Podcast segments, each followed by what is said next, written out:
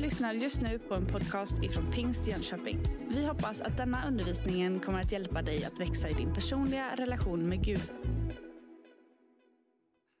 Hej allesammans! Samuel Westergren heter jag, ungdomspastor i den här kyrkan sedan ett läsår tillbaka. Nu har jag varit här ett läsår och eh, nu kan jag inte längre ha det här gröna rookiekortet.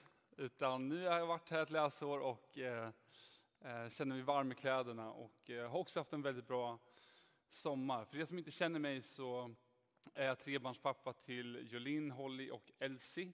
Gift med min fru Linnea och vi trivs superbra i den här församlingen. Eh, jag ser också, nu är jag väldigt partisk här, då, ser väldigt mycket fram emot veckan framför där vi har då ungdomslägret Camp som vi precis bad för och Vilma nämnde. Var jättegärna med och be för detta med oss. Vi tror att det kommer att vara en betydelsefull vecka.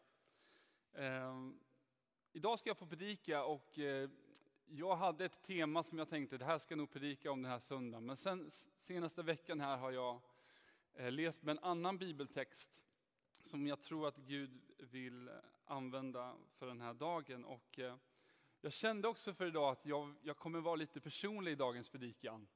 Eh, det är härligt att inte vara distanserad, att vara personlig. Men jag menar att jag vill dela lite erfarenheter av mitt liv. Och om det finns en titel på dagens predikan så är det Tron och livets motgångar och prövningar.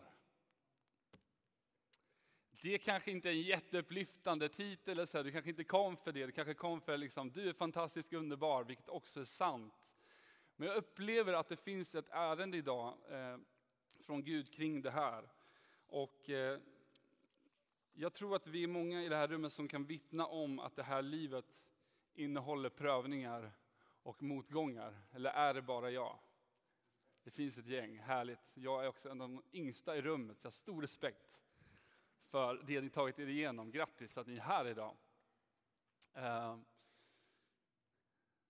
vi ska läsa ett bibelord eh, och sen ska vi be en bön för den här stunden och så ska jag dela några saker. Vi ska framförallt hoppa in i två bibelsammanhang. Men låt oss gå först till första Petrus brev 1, kapitel 1, vers 6-7. Det här är en fantastisk bibeltext. Det står så här. Var därför glada, även om ni nu en liten tid måste utstå olika prövningar Äktheten i er tro är långt mer värd än guld, som är förgängligt men som ändå prövas i eld. På samma sätt prövas er tro för att sedan bli till lov, pris och ära när Jesus Kristus uppenbarar sig. Ska vi be för den här stunden och så ska vi gå in mer i Guds ord tillsammans. Herre, tack för den här gudstjänsten. Tack för din närvaro mitt ibland oss, Herre. Nu ber jag, Herre, att du skulle göra ditt ord levande för oss, Herre. Och jag tackar dig, Fader, att du ser våra liv precis som de är. Och jag ber, Herre, att du skulle komma med uppmuntran och att du skulle styrka oss där vi är idag, Herre. Tack för din trofasthet och godhet, Herre. Jesus, du ser alla erfarenheter, du ser all, allt som vi har varit med om, Herre. Alla glada stunder, alla svåra stunder. Du ser all, alla skratt, alla tårar, Herre. Helige Ande, tack att du är tröstaren, tack att du är hjälparen. Jag ber nu helige Ande att du skulle komma och att du skulle göra det som du vill göra i den här gudstjänsten, i den här predikan, Herre. Tack för din godhet och nåd som följer oss i alla våra dagar, Herre. Jesus, tack för din död uppståndelse, Jesus. Tack för att det, det förändrar allt, Herre. Och tack att det finns liv idag, tack att det finns nåd idag, Herre. Det finns upprättelse och förlåtelse idag. Det finns öppen famn från dig, Herre. Tack för det, Jesus. Jag ber nu, Herre, att du är med oss i den här stunden i gudstjänsten, att du talar till oss och möter oss där vi är. I Jesu namn. Amen. Amen, amen. I det här livet får vi möta motgångar och prövningar.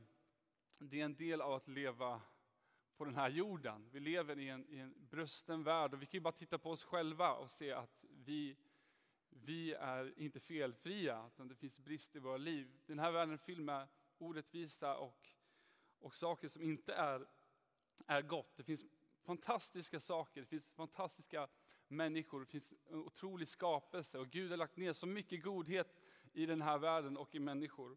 Men vi, det tar inte lång tid eh, innan vi märker att det finns saker som är svårt och att det händer svåra saker.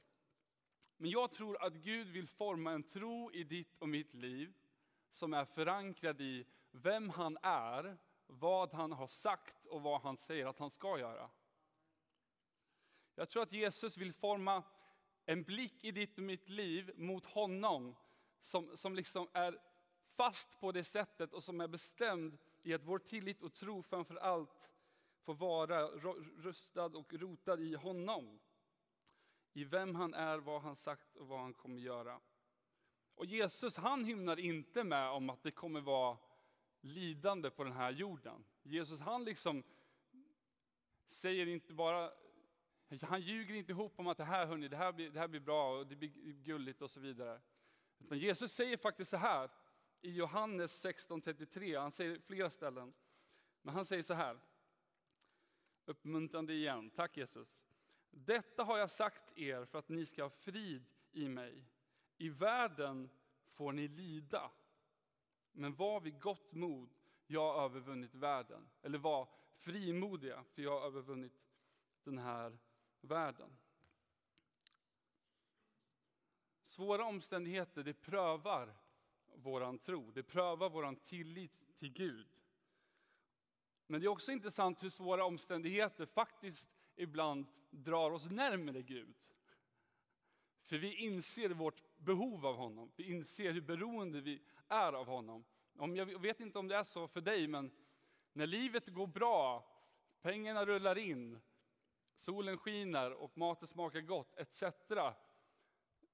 Då är det som att det finns tendens, eller en, en vana för oss ibland att glömma Gud, att glömma vårt behov av honom, för vi märker inte det påtagliga.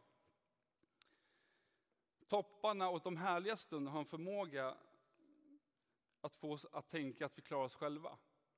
Men i krisen, när det skakar, då blir till och med den allmänna svensken lite andlig, lite gudsfruktig och, och vänder sig till bön. Det är intressant. Som vi läste här i, i Petrusbrevet så tror jag att Gud vill ge oss en äkta tro. Det står så här, äktheten i er tro är långt mer värd än guld. Gud vill ge oss en äkta tro som går djupt och som inte bara består när livet är bra. När alla sjunger samma sång som du och livet är härligt, vilket det är, vilket är fantastiskt och som är en välsignelse. Men Gud ger oss en tro och en tillit till honom som består genom alla livets dagar.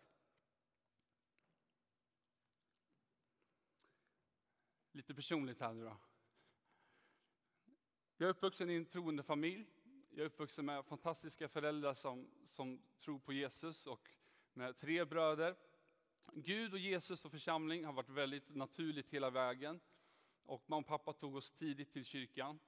Eh, och jag minns som barn att jag fick göra viktiga gudsmöten redan då som formade mitt liv, som märkte mig i, i någon slags visshet att Gud finns och han är god, han vill oss väl. Och en relation till Jesus blev snabbt någonting som jag ville ha. Mitt liv har också präglats av, precis som för er, motgångar och prövningar. Eh, för mig har det varit väldigt konkret på det sättet att jag levt med en kronisk sjukdom sedan jag var barn. Sedan jag var fem sex år så har jag levt med en sjukdom som heter ulcerös kolit, som är en magsjukdom, tarmsjukdom, som eh, är lite mäckig, kan man säga. Eh, jag fick diagnosen när jag var fem sex år. Det innebär att jag får eh, inflammationer i min kropp, kan man säga, och framförallt i magen, och det kommer i skov som går, eh, eh, som går och kommer. Och mitt allmänna mående genom livet har varit väldigt oförutsägbart vad jag, vad jag klarar och vad, vad jag förmår och inte. Så jag är uppvuxen med väldigt mycket inställt. Inställda läger, inställda skoldagar, inställda resor, inställda matcher, träningar etc. Och eh, det här var något som, som var en väldig brottning för mig när jag växte upp. Och jag kunde absolut ofta ha frågor, varför jag? Varför inte Kevin? Jag önskar inte Kevin det, men varför jag? Varför ska jag missa det här igen? Varför ska det här hända? Fick ofta vara inlagd på sjukhus, oftast minst en till två gånger per år var jag inlagd och fick behandlingar för de här skoven, drog iväg och sådär. Och eh, att leva med det här var något som präglade min uppväxt och gör det fortfarande till idag. Eh, men tidigt, som jag berättade, i mina möten med Herren, i den här atmosfären av bön och lovsång som finns det nu, så kunde jag uppleva Guds godhet. Jag kunde uppleva hans närvaro. Även i sjukdom, i smärtan på sjukhus, så upplevde jag att Gud vill mig väl. Gud är god, han är tummen upp. Liksom. Jag hade inte språk för allt det här.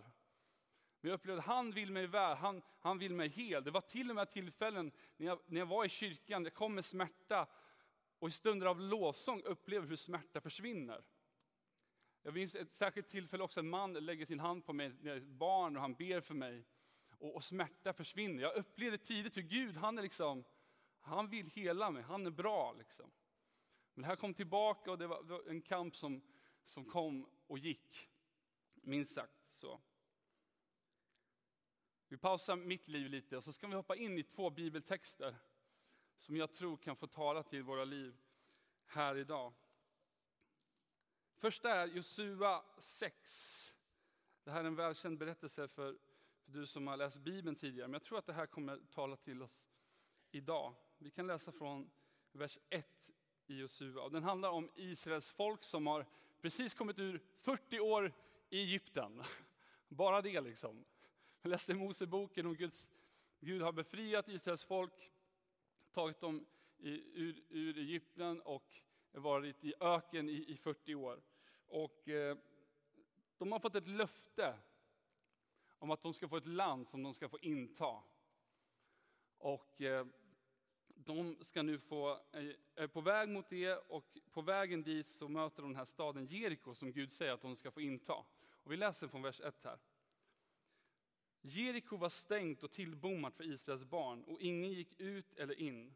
Och Herren sade till Josua, se jag har gett Jeriko med dess kung och dess tappra stridsmän i din hand. Tåga runt staden med alla stridsdugliga män, gå runt staden en gång, så ska du göra i sex dagar. Sju präster ska bära med sig sju basuner gjorda av bagghorn framför arken. På sjunde dagen ska ni tåga runt staden sju gånger och prästerna ska blåsa i basunerna. Och när de blåser i baggens horn och med utdragen ton och ni hör basunljudet ska hela folket höja ett kraftigt härskri. Då ska stadsmuren störta samman och folket ska storma in över den, var och en rakt fram. Jag vill uppmuntra dig, om inte du läst Josuas bok, att göra det. Väldigt spännande och häftiga saker som händer där. Det här var bara en del. Den här berättelsen är väldigt intressant och något märklig utifrån det Gud ber dem göra här. Eh, men jag tror, precis som med många bibeltexter, att den här berättelsen kan få relatera till vårt liv idag. För livet med Gud är fullt av löften. Gud har löften för ditt och mitt liv. Alla löften i Bibeln, i Guds ord, har fått sitt ja och amen genom Jesus Kristus, står det. Men det är också så att Gud har gett dig och mig personliga löften. Han har gett dig löften om vad han har för tankar om dig. Han har gett dig löften om vem han är och vem han vill vara i ditt liv. Livet med Gud innehåller löften. Men sen är det också så i processer och passager, tider i våra liv, så är det som att vi ibland behöver gå i cirklar. Vi behöver liksom gå i tillit på det Gud har sagt och vänta. Vi behöver liksom följa Guds löfte och tro på att det han har sagt kommer hända. Och det här gänget, Israels folk och de här stridsmännen, jag vet inte hur det är med dig och mig, men jag kan ju bara tänka efter 40 år i öken och sen får de den här liksom, orden om att de ska gå runt murarna och det ska gå en dag, och ska gå en till dag och så vidare. Jag kan ju bara tänka mig att på fjärde, femte dagen att det är någon som bara så här, mm, är det bara jag som tycker det här känns lite märkligt med det som Jesua sa här? Eh, Eh, var det verkligen, eh, har vi prövat det tillsammans på något sätt? Eh, alltså jag vill hedra Josua, toppenkille, härligt att, att liksom Mose han hade en grej. Men, men det här känns lite märkligt, måste jag säga ändå. Det känns lite i kroppen, känns lite awkward. Och de tittar ju ner på oss och häller saft. Nej, det kanske de inte gjorde. Det känns lite märkligt. Har verkligen Gud sagt detta? Känner ni igen språket? När saker tar tid och i olika omständigheter så kan vi ibland ifrågasätta det Gud sa. Och tid prövar våran tro. Tid prövar våran tillit till det Gud har sagt. Och sen står det så här från vers 20, för det slutar inte här. Vi läser ändå klart den lilla berättelsen här. I vers 20, vad händer när de gör det Gud sa? Då upphävde folket ett härskri och man blåste i hornen. Ja, när folket hörde ljudet från hornen upphävde de ett kraftigt härskri. Det störtade, då störtade murarna samman och folket drog in i staden, var och en rakt fram och intog den. Folket gjorde som Gud sa, murarna rammar och folket intar staden. Jag tror att det finns i det här rummet bara, och ni som följer online, så tror jag att det finns en del Jerikos i våra liv. Jag tror att det finns saker som kan upplevas stå i vägen mellan löftet som Gud har gett dig, det han sa, och, och din väg och din resa. Jag tror att det finns en del murar som vi längtar efter skulle få ramma och som jag tror vill ska få ramma. En intressant parentes bara när jag läste bibeltexten tycker jag också faktiskt är att vad hade hänt om Israels folk istället hade så här, nej men strunt i det, vi dansar små grodorna istället. Små grodorna små, runt Jeriko liksom. Eller typ vissla lite, kanske så här sätter sig ner och gör något helt annat. Troligtvis hade murarna inte fallit.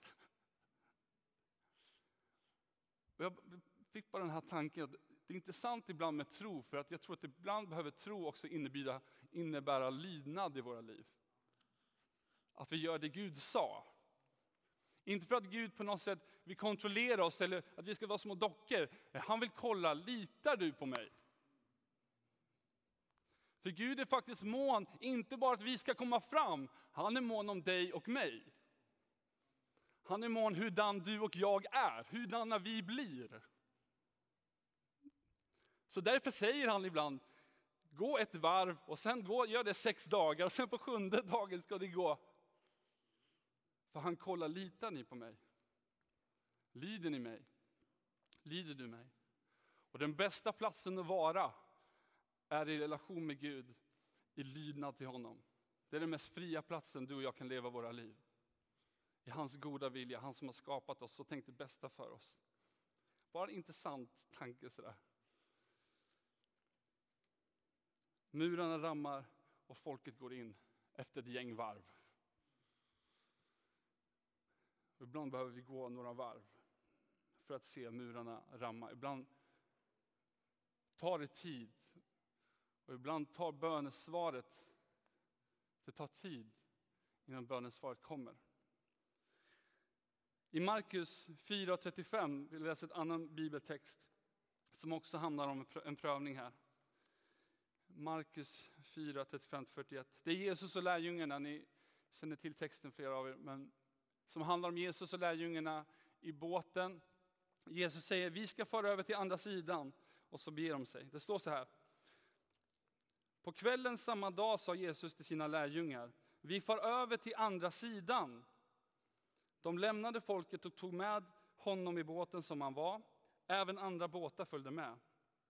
Då kom en stark stormvind och, och vågorna slog in i båten så att den höll på att fyllas. Själv låg han i akten på en dyna och sov. De väckte honom och sa, Mästare, bryr dig inte om att vi går under? Han vaknade och talade strängt till vinden och, och sade till sjön, Tig, var stilla. Då la sig vinden och det blev alldeles stilla. Och sen Jesus då, han sa till dem, varför är ni rädda?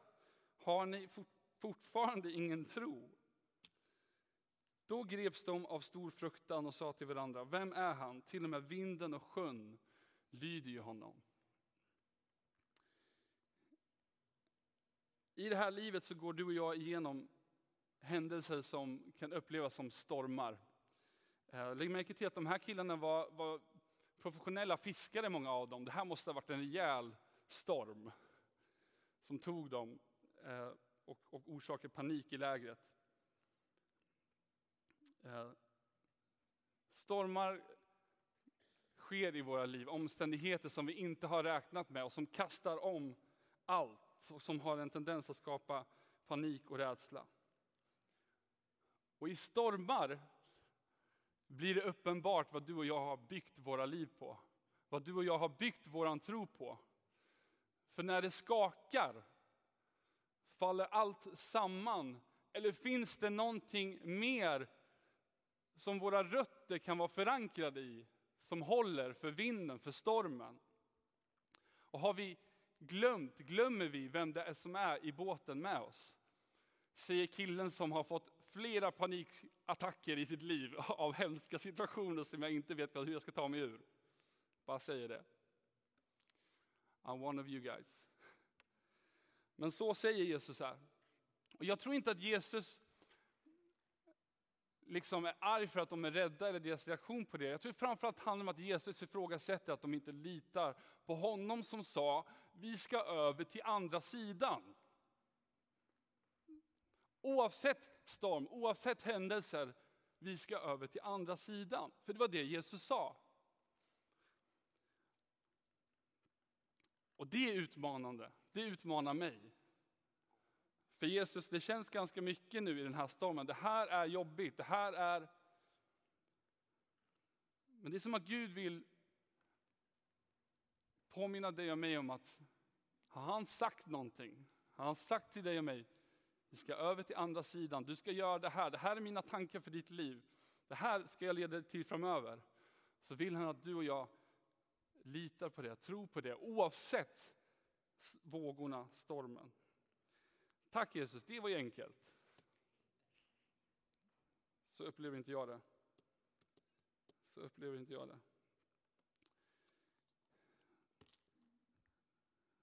Bibelordet igen, Johannes 16.33. Detta har jag sagt för att ni ska ha frid i mig. I världen får ni lida, men var vid gott mod, för jag har övervunnit världen.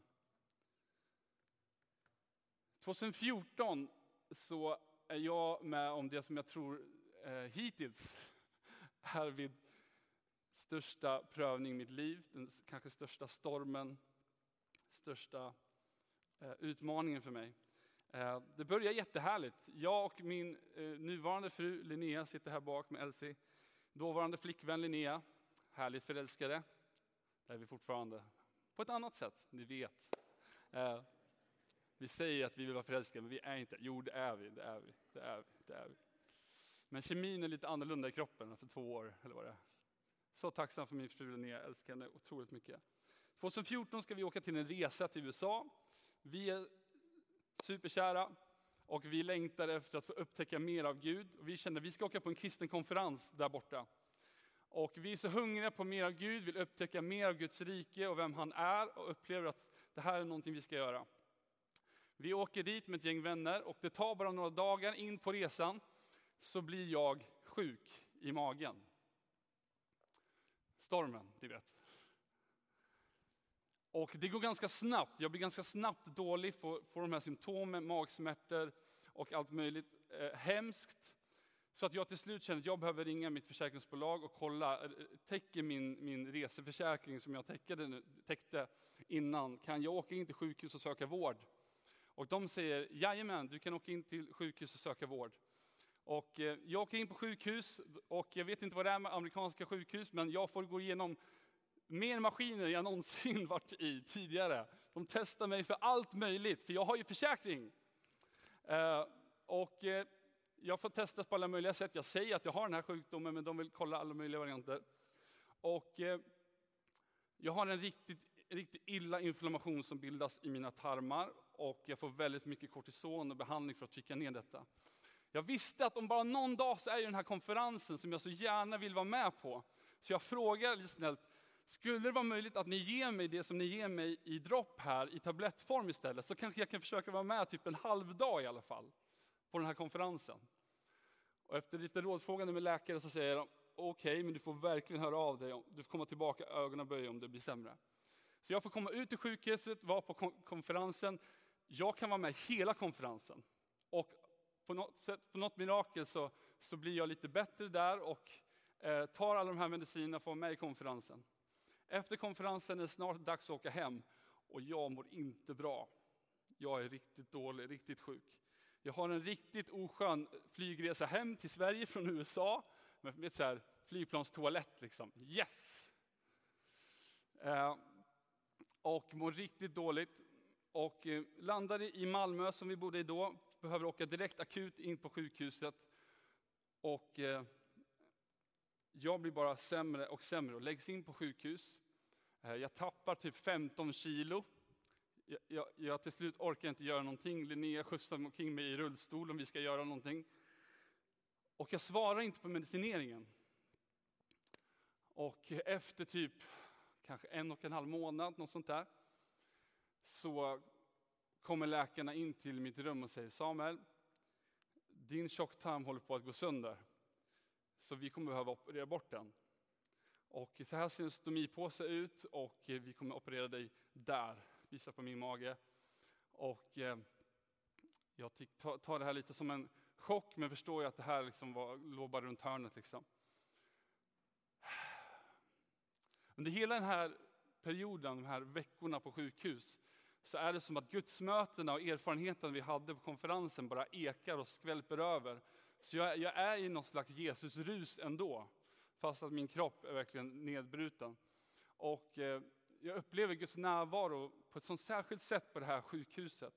Och få ha en sån intimitet och närhet till honom som jag aldrig hade upplevt tidigare. Eh, och eh, en dag senare, två dagar senare tror jag det är, så ligger jag i min säng och jag kollar på Sagan om ringen, Sagan om två tornen faktiskt, för er som har sett dem. Och det är den här scenen, för er som har sett filmen, när Gandalf ska befria kung Theoden från Saurons makt. Och eh, jag ligger och tittar på den här filmen, eh, jag orkade inte göra så mycket mer. Eh, när jag ligger i min sjukhussäng så är det som att jag upplever hur det är som en Guds närvaro som tätnar in i mitt rum. Jag upplever som en härlighet och en tyngd in a good sense lägger sig över mig. Och jag pausar Gandalf och filmen. Herre, här är jag, typ så. Jag vet inte om jag sa något, jag bara öppnar mig för, för Gud. Och jag har en erfarenhet där som pågår kanske i en halvtimme. Där jag upplever, för mitt inre är som att det är bara ljust i hela rummet och jag upplever som att, som att någonting gudomligt är i mitt rum. Och jag upplever hur, hur värme och Guds närvaro går igenom min kropp, upp och ner. Jag upplever också hur någonting händer i min, i min mage, en otrolig hetta, och som en eld i min mage. Och jag ligger där, Malmö sjukhus, ligger där. Tänk, kommer en sjuksköterska nu, vet jag inte vad jag säger liksom. Men jag har den här erfarenheten. Dagen efter så kommer läkarna in Precis som i sådana här härliga böcker vi läser om som andra är med om ni vet. Så säger läkarna, Samuel vi förstår inte riktigt vad det är som har hänt här men dina värden har vänt över natten. Och eh, hur mår du? Och detta var också efter att jag hade precis käkat en frukost, dunderfrukost som jag inte hade käkat på flera veckor, för jag var hungrig. Som jag inte hade varit. Och, och eh, jag återhämtar mig supersnabbt. Dagen efter det kommer läkaren in och säger Samuel, du är för, du är för frisk för att vara kvar här ju. Eh, så att det här med operation och så vidare, det, det, får nog, eh, det får nog vänta så får vi se vad som händer.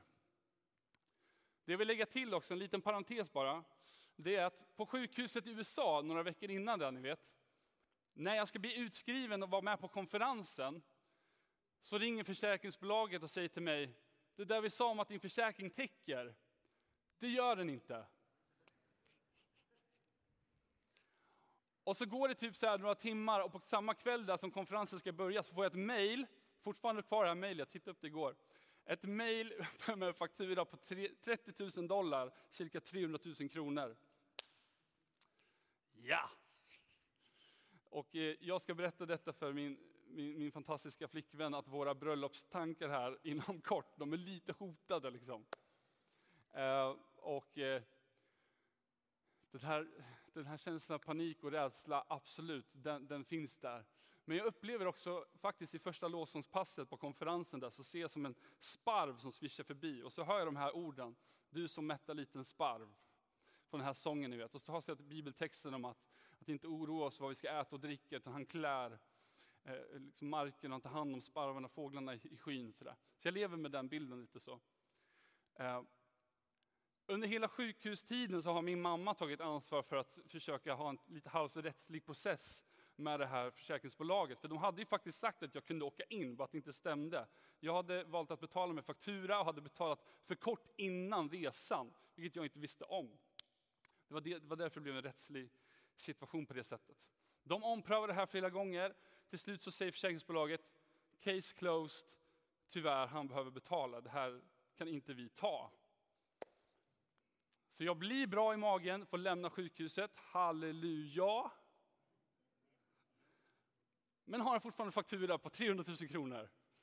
Eh, jag bestämmer mig för att åka till Stockholm och käka mig upp 15 kilo. Jag ska upp till mamma och pappa, ni som är föräldrar, mammor kanske. Min mamma var väldigt älskade att laga mat till oss och göda oss, känslan faktiskt ibland. nu behövde jag just det. Eh, så jag åker upp till Stockholm, käkar otroligt mycket.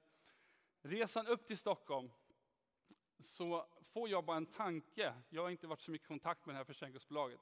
Resan upp till Stockholm så får jag en tanke att jag ska skicka ett mejl till en Linda på det här försäkringsbolaget. Och jag prövar, jaha, Linda liksom. Och eh, det här var ganska nytt för mig att höra Guds röst och sådär. Så jag upplevde, jag tänkte, men var, liksom, jag förstod inte urskiljningen där, vem är det som säger det här och så. Men, men, men anade, det här är Gud som säger någonting. Och eh, jag skickar ett mejl, kollar igenom inkorgarna som mamma hade använt via min dator. Då. Hittar en Linda och eh, skickar ett mejl till henne där jag beskriver min situation igen, kan man säga. Och jag upplever att Gud leder mig i hur jag ska formulera mig och så vidare. Skickar det här mejlet, hoppas på det bästa. Dagen efter ringer försäkringsbolaget till mig och säger Samuel, vi gör inte det här så ofta, men vi upplever att vi ska pröva ditt ärende en sista gång. En sista gång. Eh, och se om det kan vara så att, att det finns någonting i det här. Och eh, jag hade också använt ett särskilt ord i mejlet som jag upplevde att jag skulle skriva, vilket var goodwill. Så jag skrev, kan det vara så att ni har någon goodwill policy på något sätt? Och de säger just det, jo men eh, som du skrev där, vi har en goodwill policy och vill ändå ompröva det här. Liksom. De hade sina värderingar att de ska göra det. Jag intervjuas typ en timma, ord för ord, vägs på en skål. Jag kände att jag ska tala sanning hela vägen här. Eh, men de försöker verkligen ställa mig mot väggen för att slippa de här pengarna. Dagen efter så hör de av sig och säger Samuel, om du är villig att betala en drulle på 1500 kronor så tar vi alla pengarna. Jag sa nej! Nej, jag sa ja, jag sa ja, jag sa ja, jag sa ja. ja låt den komma en gång till. Låt den komma. Tack Jesus för det. Fantastiskt vad, vad, vad Gud gjorde där och vi gifte oss också något år senare och kunde använda pengar till det istället för till det här. Eh, jag upplever någon dag, jag kanske ska skriva en bok om den här händelsen och fler saker. För det som hände ett halvår senare av detta var att detta fick liksom svallvågor där jag fick vara med och be och välsigna andra på ett sätt jag inte varit med om. Och jag, jag känner att jag skulle nämna det här bara kort också. Kanske någon som tittar i rummet så. Jag, jag, fick, jag träffade några av mina vänner i Stockholm när jag var där och skulle äta upp mig. Och jag är på ett ungdomsmöte. Och jag blev påminn om att jag hade en dröm på sjukhuset om de här, det här paret, mina vänner. Och jag ser i drömmen ett barn hos dem. Och jag förstår inte riktigt vad det betyder först, men jag upplever sen att det kanske har någonting med barn att göra. De har varit gift ett gäng år och jag förstod sen att det kanske har med det att göra, att de har svårt att få barn. Så när jag kommer till Stockholm, är på ett ungdomsmöte där, och eh, det är också så fantastiskt för det är så många som har bett för mig, så jag är bara ett levande, otroligt tros, trobostande, liksom, för att jag är där så är folk bara, Gud kan göra vad som helst. Eh, vilket var fantastiskt, så mycket hände i det. Jag tar de här personerna åt sidan efter gudstjänsten jag brottas jättemycket med, om jag ska dela det här eller inte, jag tycker det känns känsligt och svårt, vilket jag tror att vi ska ha respekt för människor som går igenom detta. Men jag, jag har en nära relation med dem, så det kändes okej. Okay. Jag säger så här, eh, det här kanske låter märkligt, men på sjukhuset, när, när, när jag var inne där någon vecka in, så hade jag en dröm om att att, att, ni, att ni, om er och ett barn, så är det, att ni, är det så att ni försöker få ett barn. Eh, något i den stilen. Och eh, mina vänner de brister ihop i gråt totalt, tappade helt. För det, det här var deras stora dröm, det här var löftet Gud hade gett dem. De hade fått diagnosen om barnlöshet från hennes sida. De upplevde ett Jeriko mellan löftet Gud hade sagt. Och eh, det här var en stor kamp i deras liv och de gick varv efter varv, hoppades och trodde. Utan att se något resultat och prövade olika behandlingar och så vidare. Och jag sa, får jag be för er? Jag lägger mina händer på dem och upplever att, att, att jag ska be på ett särskilt sätt och ska be för, över min vän Johanna. Eh, och eh, jag åker därifrån.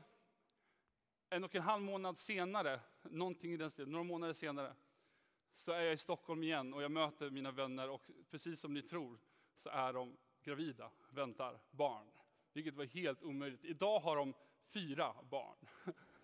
Vilket är helt fantastiskt. Fina vänner eh, i Stockholm. Och det, här, det var som att det här, de här murarna som rämmade ledde till att, att det var bara ett skeende av Gud och Guds ande, Guds närvaro som fick betjäna så många människor runt omkring mig. Jag som var så upptagen med med min lilla bubbla, men Gud hade ett högre syfte. Och det är det vi också känner att jag vill skicka med idag. Att Gud skickar inte sjukdom, han skickar inte elände, han använder inte hemskheter på det sättet. Men det finns inte en situation eller omständighet han inte kan använda för sitt syfte. Det gör inte det. Och trots allt det här, alla de här eländiga faserna jag har varit med om, som du har varit med om, så kan och vill Gud använda dem för att bygga dig och mig, för att låta våra rötter gå djupare, för att låta till, vår tilltro till honom gå djupare, vår blick fäst på Jesus lite fastare. Så när nästa storm kommer så vet vi vem vi är och vem det är vi tillhör. Ibland får vi inte se bönesvaret som vi längtar efter. Ibland ser vi inte det miraklet vi ber om. Jag vill säga det också. Ibland ser vi inte murarna ramma på det sättet. Men Jesus har lovat att en dag ska han komma tillbaka och ge slut på allt elände. I Uppenbarelseboken står det så här. Och han ska torka alla tårar från deras ögon. Döden ska inte finnas mer och ingen sorg och ingen gråt och ingen plåga. Det, det som förr var är borta. Så tacksam till Jesus att vi har ett evigt hopp i honom om en framtid tillsammans i evigheten runt tronen. Men i det här livet, redan nu, så kan, vill, kan och vill Gud gripa in och rämma murar. Han vill upprätta, hela, befria, leda dig in i det syftet, den kallelsen han har för ditt liv. Jeriko eller vilken stad vi nu kallar det, vilka murar det nu är, så är kung Jesus mäktig nog att se dem rämma. Och han vill hjälpa dig, ge dig kraft, han vill uppmuntra dig, han vill ge dig sitt perspektiv i den situation du står i. Och han vill ge dig en tro som är äkta, som består, som förädlas genom livet. Och jag vill avsluta med att läsa samma bibeltext vi börjar med innan vi ska avsluta predikan här. Det står så här i första Petrus brev kapitel 1, 6-7. Var därför glada, även om ni nu en liten tid måste utstå olika prövningar. Äktheten i er tro är långt mer värd än guld som är förgängligt men ändå prövas i eld. På samma sätt prövas er tro för att sedan bli till lov, pris och ära när Jesus Kristus uppenbarar sig. Tack älskade Jesus för din trofasthet över våra liv, Herre. Jesus, du ser alla minnen, alla situationer som kommer upp nu hos mina vänner här, Herre. Alla situationer där man kanske har sett ditt ingripande och murarna rämma, men också situationer där man just nu upplever hur man går omkring och väntar och hoppas och tror på löfte om att du ska gripa in, Herre. Helige Ande, tack att du möter oss där vi är just nu. Tack att du påminner oss om vem du är och vad du kan göra. Tack att du beskriver dig själv så väl genom din son Jesus Kristus, men också genom ditt ord, Herre. Jag bara tackar Jesus att vi skulle få en tro som är äkta och som får förädlas genom livets omständigheter, Herre.